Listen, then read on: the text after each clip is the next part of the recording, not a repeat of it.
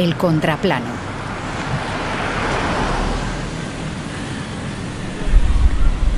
Se hace de noche en Tokio.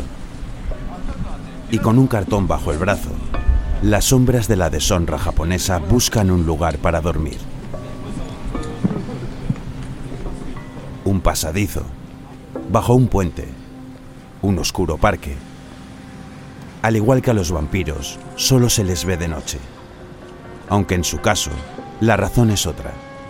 La vergüenza. Vergüenza propia y ajena.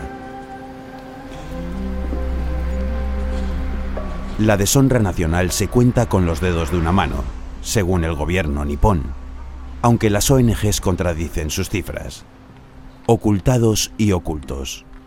En el imperio del sol naciente, el sol no brilla para ellos. La mendicidad desluce.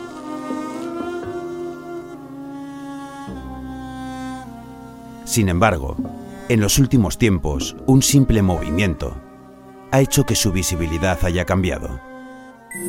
Pulsar el botón rojo y grabar.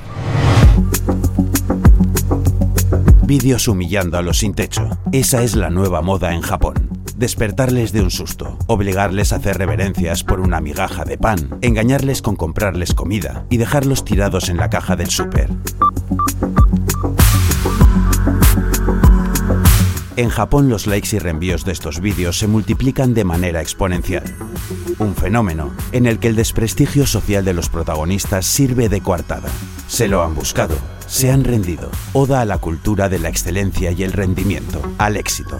Y si aquí la que gobierna es la culpa, allí el honor es el que marca. Y el honor no se mancha. No se mancha, mancha, mancha, mancha, mancha. En un país con uno de los índices de suicidio más altos del mundo, en un país donde por tradición, en caso de que las cosas vayan mal dadas, el suicidio está visto como un gesto honroso. No es difícil saber hasta dónde puede hundir el sobrecargo de tu miseria, más el saberte la vergüenza de todo aquel que te mira o te intuye. Hacia el código de honor. Arakiri.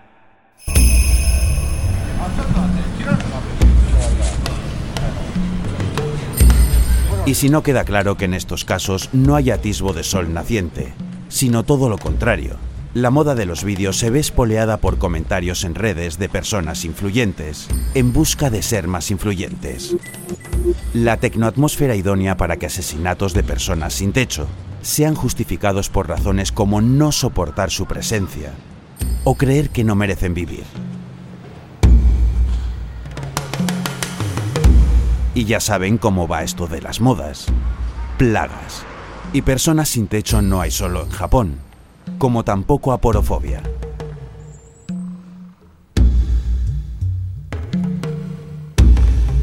El contraplano.